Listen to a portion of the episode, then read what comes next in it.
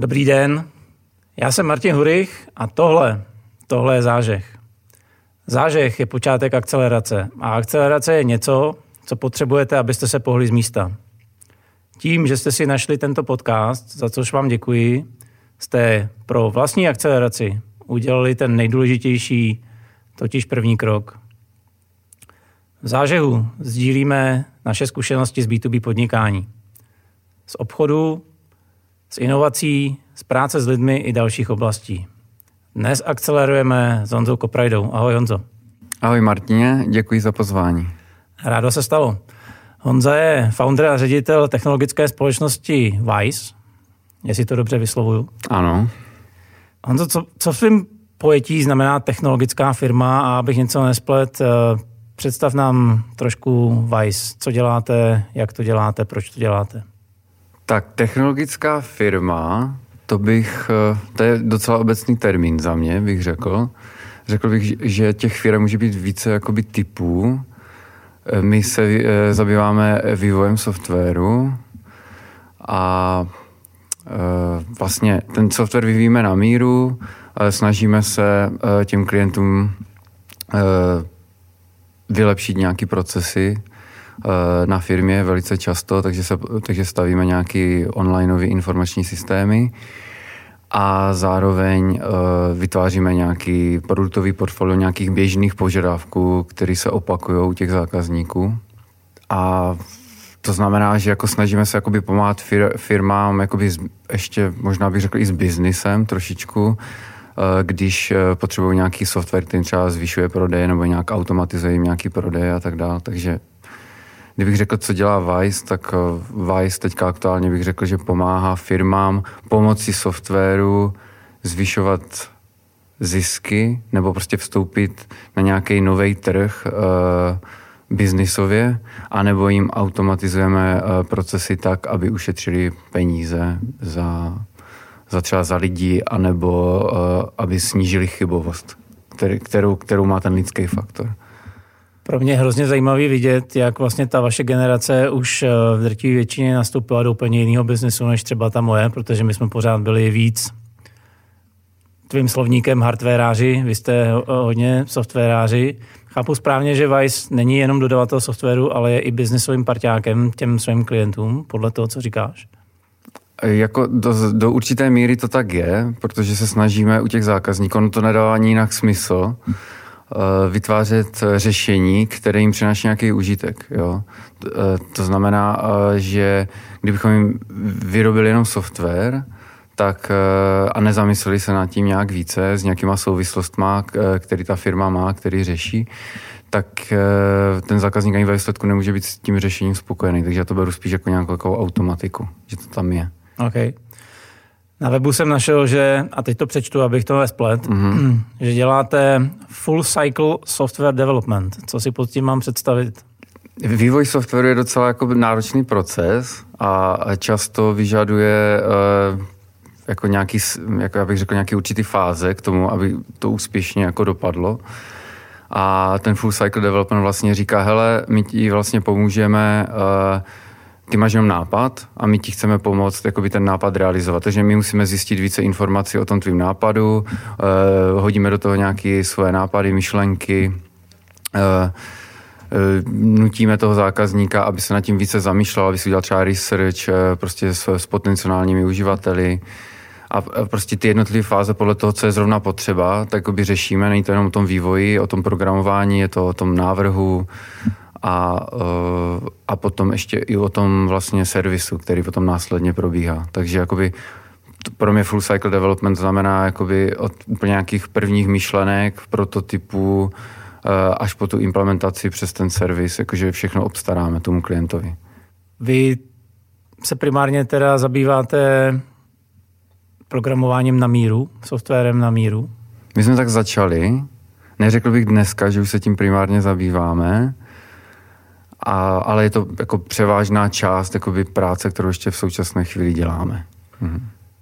Já se tady zeptám, že softwarových firm, firmiček eh, i velkých mastodontů je spousta a všichni říkají, že píšou software na míru. Jak se v takovéhle konkurenci dá prosadit a jak se vlastně software na míru prodává?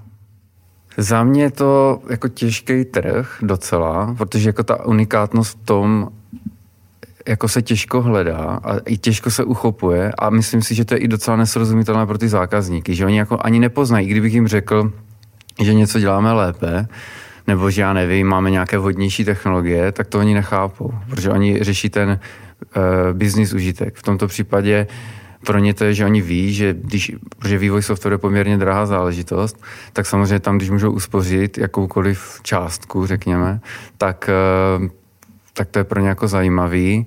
Takže tam si myslím, že hodně často se konkuruje buď cenou, anebo prostě je to vyloženě nebo založené na kontaktech a na té důvěře. To znamená, že vlastně já dodávám software na míru zákazníkům, kteří nám z nějakého důvodu důvěřují.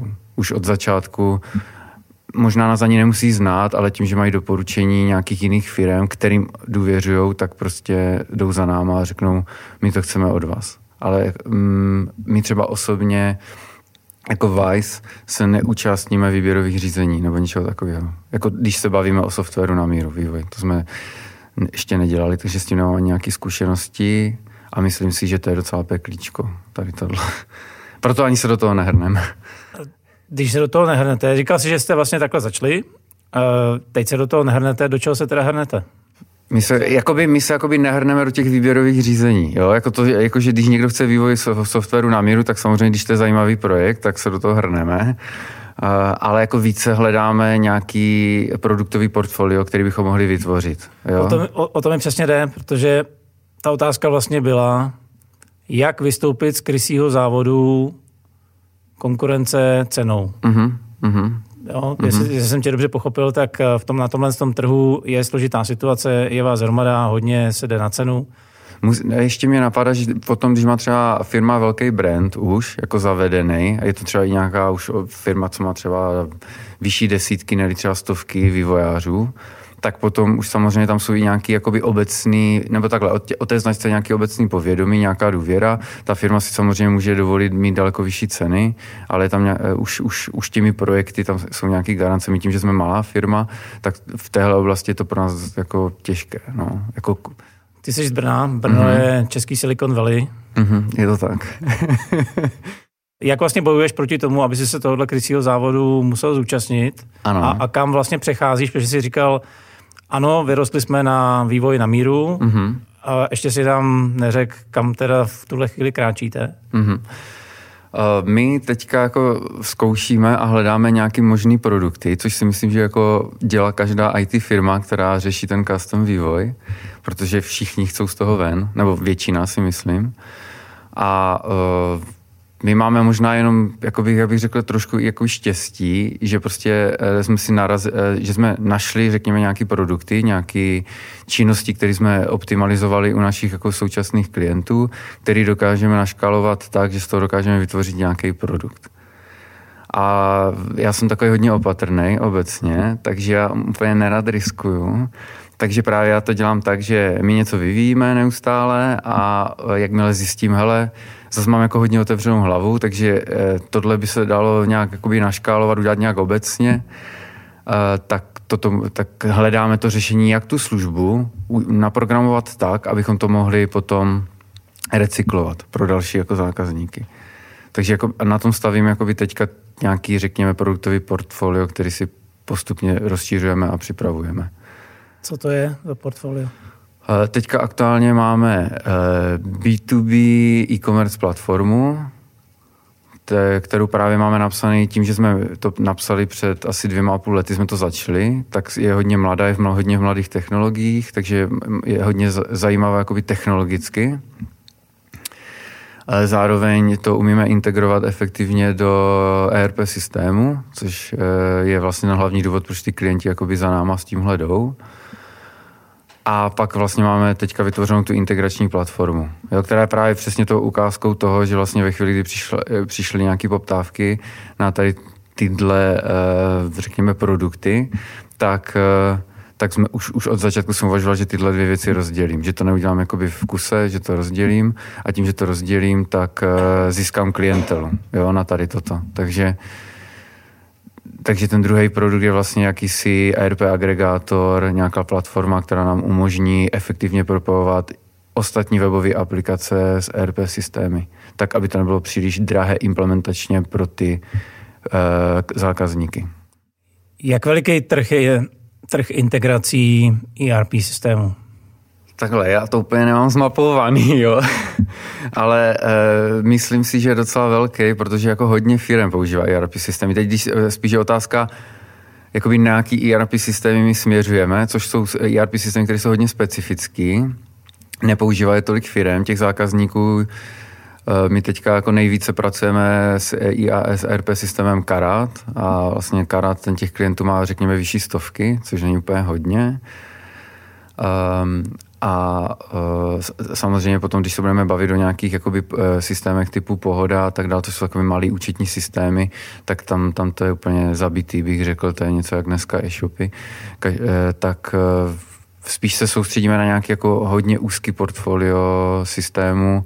Teďka zvažujeme, že uh, Helios uh, implementujeme, máme teďka zákazníka na K2, jo, takže spíš hledáme takový ty systémy, kde jsou ty problémy evidentní, že tam ty integrace jsou strašně náročné eh, a hledáme nějakou cestu, jak automatizovat nejen toho zákazníka, ty jeho procesy, ale jak automatizovat vlastně práci na tom propojení s těmi ERP systémy většími, komplikovanějšími. Takže jestli to chápu správně, tak si prošel vývojem od velkého trhu, kde je spousta konkurence po velmi úzkou specializaci a relativně malý trh. Mm-hmm, jo, je to tak. Je to je tak? To tak no. Co ti to přináší za výhody? Vlastně vyčlenit se z toho krysího závodu a zároveň jaký to má pro tebe potenciální rizika? Tak jedna z velkých výhod, kterou vnímám, je, že dokážu lépe klientovi říct, co děláme. Jo? Dokážu to víc jakoby fokusovat na nějakou určitou celou skupinu, kterou si lépe vyspecifikuju a vím i kde, možná bych si trochu tvrdit, říct, že vím i kde ji najít. Jako. No, minimálně jsou tam nějaké jako jasnější cesty. U toho obecného řešení, když řekneme, děláme vývoj na míru, tak to je, taková, to je takový, jak právě si zmiňoval, těch agentur. Je jenom v Brně, v Silicon Valley prostě je, já nevím, jestli, jestli jich tam možná bude i stovky. Uh, tak eh, tam to úplně nejde. Tam to podle mě všechny ty agentury jedou hodně na ty kontakty, eh, což je jako super. Já mám díky, já mám díky tomu, že jsem na tom trhu jako hodně dlouho, vlastně od 14 let programuju, tak eh, jako já mám samozřejmě velkou síť kontaktů kolem sebe, což mi vždycky pomáhalo. Tak, takže můj obchod je vlastně jenom setrvačnost v tom biznise. Ale když chci teďka prodávat a vyzřešíme ten obchod jakoby aktivně, tak uh, prostě se to jednodušeji uh, vyspecifikuje pro ty konkrétní účely. Navíc získáme nějakou specializaci, nějaký skill, který nemá úplně každý.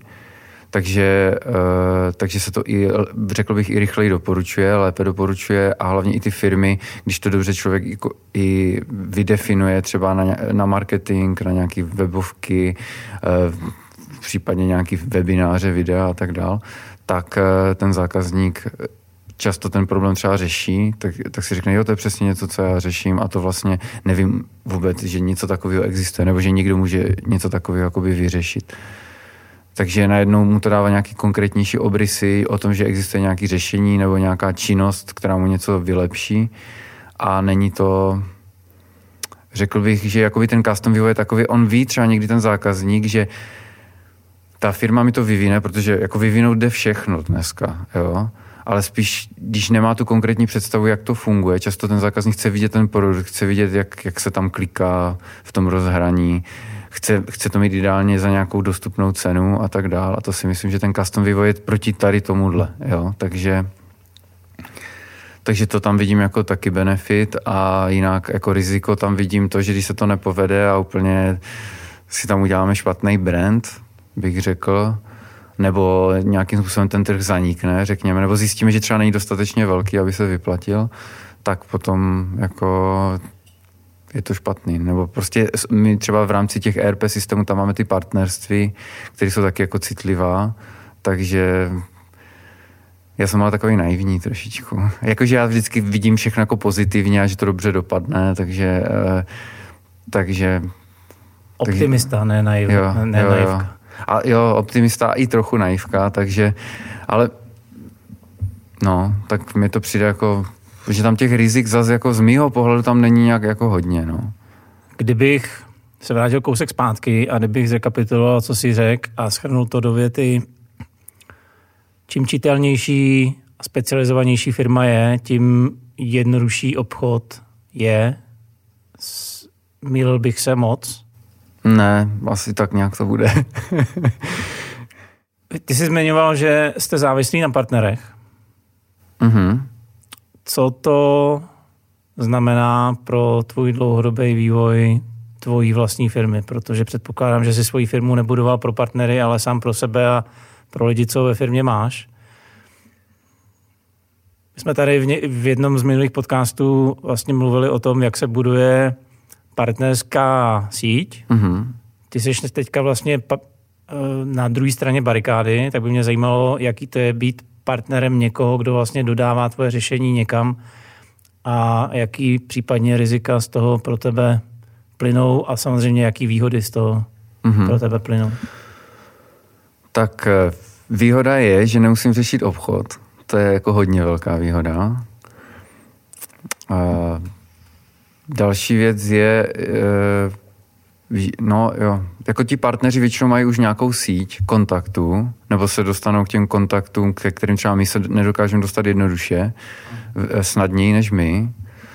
A tím, že tam je ta důvěra právě a tam vzniká, jakoby ta, eh, tam je ta důvěra, tak tam vlastně se, se jako snadno vstupuje. Jo? Protože ta firma jakoby věří tomu partnerovi takže když ten partner řekne, hele, tady je nějaká, nějaký Vice, který prostě už umí tady tohle, s náma to dělal my jsme byli spokojení, i ti zákazníci byli spokojení, tak oni nemají de facto moc důvodů, zvlášť jakoby v těch specifických ERP systémech, protože ty firmy nejsou úplně chudí, tak eh, nemají důvod jako řešit, jako že udělají nějaký výběrko a tak dále, protože by to bylo pro ně časově i finančně náročné. A u skalí to má takový hlavní, bych řekl, že často se stane, že prostě třeba ten partner eh, jako není úplně transparentní, nekomunikuje ty věci s náma úplně včas, takže my se třeba dozvídáme některé věci jakoby pozdě, anebo nebo zjistíme, že třeba to zadání má být trošičku jinačí a tak podobně, takže je s tím jakoby víc práce spojené zase na té straně jakoby procesu, kdy my to musíme jako řešit a i toho vývoje. Což vždycky, já si řeknu, že to vyváží trochu ten obchod. Možná, jakože si říkám, že prostě tím, že ne, netravíme tolik času obchodem, tak prostě díky tomu máme víc problémů s vývojem. Jako.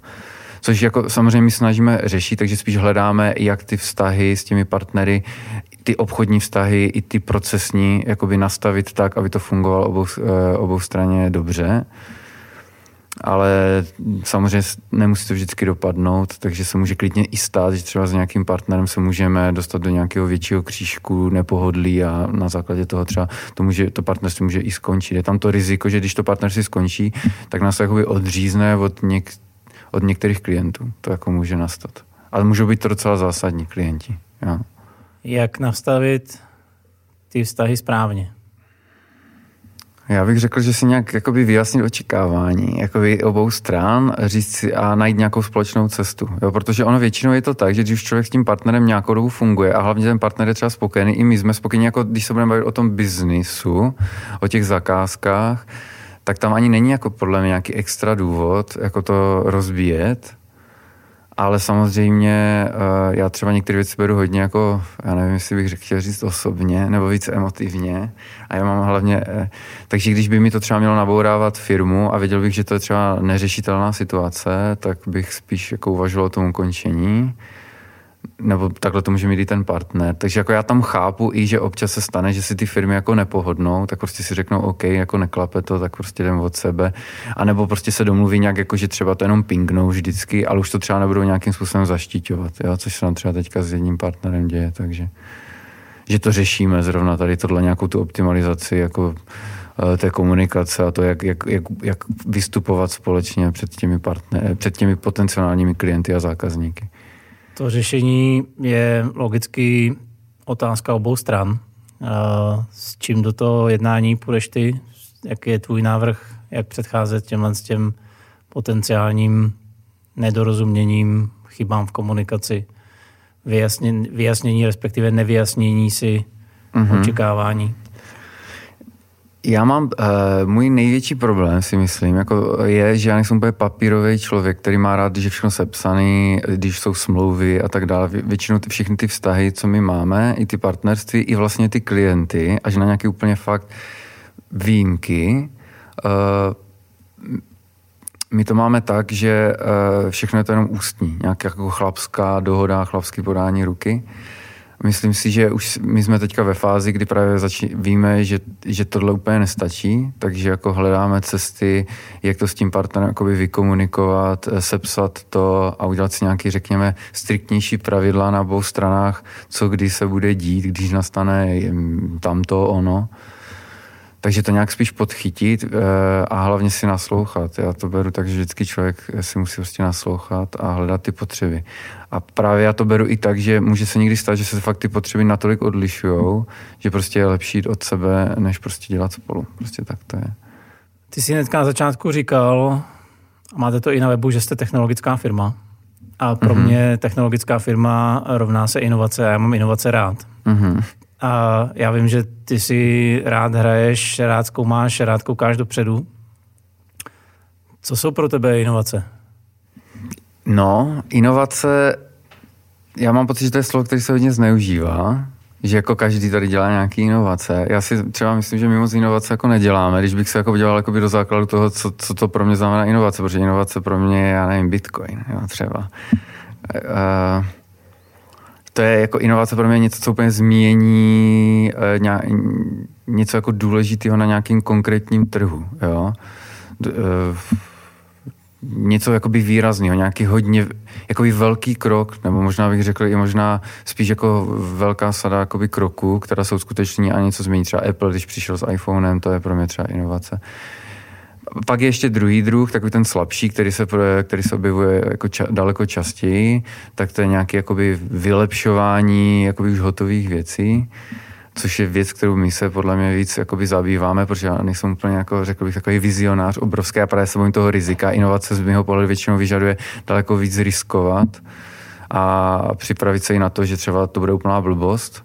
A myslím si, že inovace často vznikají spíš s nějakou vášní, kdy ten člověk, který tu inovaci dělá, tak často ani nepřemýšlí nad tím, že se to nějak masivně rozšíří. Dělá to jenom proto, protože prostě to je nějaký jeho životní smysl v tu danou chvíli, kdy, kdy, kdy na tom pracuje. A většina firm, které fungují komerčně, aspoň jakoby podle mě, a hledá jakoby ty komerční inovace, aby to mohli jednoduše prodávat, rychle prodávat, eh, tak eh, většinou spíš hledá nějaký vylepšování třeba postupů, procesů, mm, marketingu, že třeba budu víc prodávat. Jakože to jsou většinou takové spíš malinký kroky, které třeba jenom zvýší zisk nebo sníží náklady. Něco v tomhle stylu, bych řekl. Nebo prostě nějakým způsobem změní něco, jako třeba, nevím, netankuju do auta uh, benzín, ale najednou je to, je to auto de facto pořád stejné, jenom prostě tam má elektřinu najednou. To je zvláštní, že to říkáš, protože ta moje sociální bublina mnohdy říká, pro nás inovace nejsou. Protože my nejsme Apple, my nejsme Elon Musk, my nejsme my nemáme šanci vymyslet další Bitcoin. Eh, já si myslím, že to je zbytečný zveličování a zneužívání slova inovace, protože pak vlastně se vzdáváme mnohdy. Jo? Že inovace za mě je mnohé, mnohdy spíš o permanentní chuti po malých kručkách zlepšovat sebe sama, než vymyslet uh, nějakou velkou věc, protože i ty velké věci vznikaly nějakou dobu malým zlepšováním fuck upů. Mm-hmm. Jo, ono totiž, jako jo, jako to je právě ten druhý pohled na to, což já to chápu, ale já totiž možná to je tím, že mám prostě nastavený úplně jinde ty hranice, co je jakoby inovativní z mého pohledu. A my jako, ale za na druhou stranu to beru tak, že i těmi malými kroky, třeba se, který trvají, já nevím, nějakou dlouhou dobu, třeba 10 let, tak prostě najednou vznikne úplně něco nového. Co třeba už na trhu nějakou dobu bylo, ale bylo to schovaný, pak se to dostane mezi lidi a, a najednou všichni o tom mluví a je to super. Takže mm, Cha, jo, asi dalo by se to tak říct, ale stejně já, já furt to beru tak, jako, že tohle není úplně jako taková ta inovace, taková ta jako vizionářská, ale že to je spíš jako inovace takového nějakého postup, postupného vylepšování prostě toho, co už existuje, jenom prostě se to nějakým způsobem uhlazuje do nějaké finální podoby, kdy už to, to potom není možné ani nějakým způsobem vylepšit, protože už to, už to je na takové úrovni, že pak už právě to vyžaduje takovou tu inovaci, že se třeba ten produkt musí úplně změnit, že najednou ten produkt úplně zanikne a vznikne nový, třeba. Máte jako Vice, nebo máme jako uh, Česká republika šanci skutečně být inovativní z toho pohledu, se kterého to říkáš ty? No, jako já si jako myslím, že če, jako my, my jako Češi, když se budu bavit o technologickém segmentu, tak si myslím, že jsme na, na tom docela dobře. Řekl bych, že inovujeme, ale určitě, já aktuálně, jo, protože my třeba řešíme hodně, vím, že se hodně řeší třeba artificial intelligence u nás, jo, a myslím si, že Což jako já v tom právě vidím, jako inovaci vidím třeba tu umělou inteligenci, no třeba virtuální reality, to jsou z mého pohledu jako nějaké inovace, ale uh, takže jo, nej, nejsme úplně jako za mě velcí hráči, spíš tady máme hodně jako těch drobných, jakoby eh, vylepšováků, ale jako máme jich tady docela hodně. A pak tady máme nějaké jako takovéhle firmy, které prostě dokážou udělat něco hodně inovativního, ale myslím si, že na, na tu velikost té země, v jakými jsme, tak si myslím, že jsme docela dobří. Jo když to srovnám jakoby s, třeba i s USA, kde těch lidí je, já nevím, 35 krát víc. Co dělat, aby jsme podporovali sami v sobě to, že máme tu šanci a že jsme dobří? Jo, jak, jak v sobě živit to, že máme šanci být inovativní, že máme šanci vykouknout do té světové ligy, a jak vlastně bojovat proti tomu, co mnohdy slyším já. Malá firma z Brna, z Prahy, z Liberce, to je vlastně úplně jedno, nemá šanci inovovat, protože nemáme zdroje, nemáme informace, nejsme Elon Musk, jo, nevymyslíme druhý Google, jak vlastně proti tomuhle z tomu bojovat, když víme, že Silicon Valley v Brně je hromada chytrých mozků, který objektivně tu šanci mají?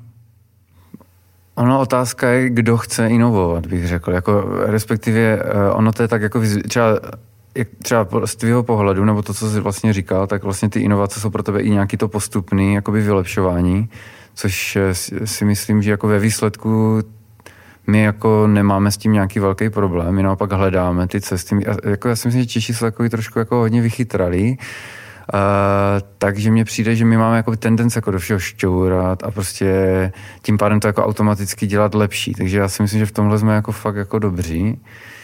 Uh, takže když si to člověk uvědomí, že to takhle je, nebo že i on to tak má, tak my jsme takový Fordové, možná bych řekl. Jako, jo? Takže já, já bych řekl, že my tu máme jako docela jako dobrý podhouby pro to inovovat. Řekl bych i podporu v tom třeba jako v Brně jo, jsou různý centra, které jakoby pomáhají těm firmám. Um, a navíc jsme ještě nuceni tím, že jsme taková malá země, tak bych řekl, že jsme i nuceni jako občas jako přemýšlet nad tím, jak to udělat tak, ten produkt, aby to prostě stálo za to jako vyvíjet a, a, a řešit. Takže hledáme i ty cesty, jak se dostat jako ven minimálně třeba do Evropy nebo něco takového. Takže ty, pokud ten člověk má nějakou ambici, ale je to hodně o té ambici, bych řekl taky. Jako z mého pohledu, když někdo nechce inovovat, nebo nemá to v sobě přirozeně, že něco takového chce dělat a nemá tam ten pohon vnitřní, tak se těžko jako bude takový člověk přesvědčovat, aby něco takového dělal. Jo. A my jsme Češi takový podnikatelé, bych řekl. Jako důkazem toho je prostě, kolik nám tady vzniklo třeba těch e-shopů, nebo kolik tady bylo slovových serverů, když to vzniklo. Tyjo, to bylo hrozný. Tyjo. Tak to pojďme uzavřít optimisticky. Pojď říct něco motivačního pro lidi, který, uh, který inovovat chtějí. aby se toho nebáli a do toho šli. Uh, takhle, ono te, mě se blbě říká jdi do toho po hlavě, protože já sám do věcí úplně po hlavě nechodím, ale spíš jako aby hledali ten prostor a nebáli se toho, ukazovali to lidem, hlavně to třeba uh, aby se s tím, nechci říct svěřovali, ale prostě nějak, aby to komunikovali s ostatními lidmi, aby se nebáli, myslím si, že často se my bojíme, že když někomu řekneme nějaký nápad nebo nějakou myšlenku, takže nám to někdo ukradne, ale jako důležitá je ta realizace a ta realizace je v dnešní době jako hodně náročná, uh, takže bych jako víc o tom mluvil s okolím asi a nebál se toho, prostě šel do toho a hledal, hledal tu cestu. Uh, pokud je to něco, co vím, že mě bude bavit a bude mě to nějakým způsobem naplňovat, tak tak tam není nic, co by tomu mělo bránit. To byl Jan Koprajda ze společnosti Vice. Pokud vás tato epizoda jakkoliv zažehla. Budu rád, pokud budete odebírat další, ať už na YouTube nebo ve vaší oblíbené podcastové aplikaci. Určitě mrkněte i na moje webovky www.martinhurich.com, kde najdete i přepis této epizody. Držím palce a přeji úspěch.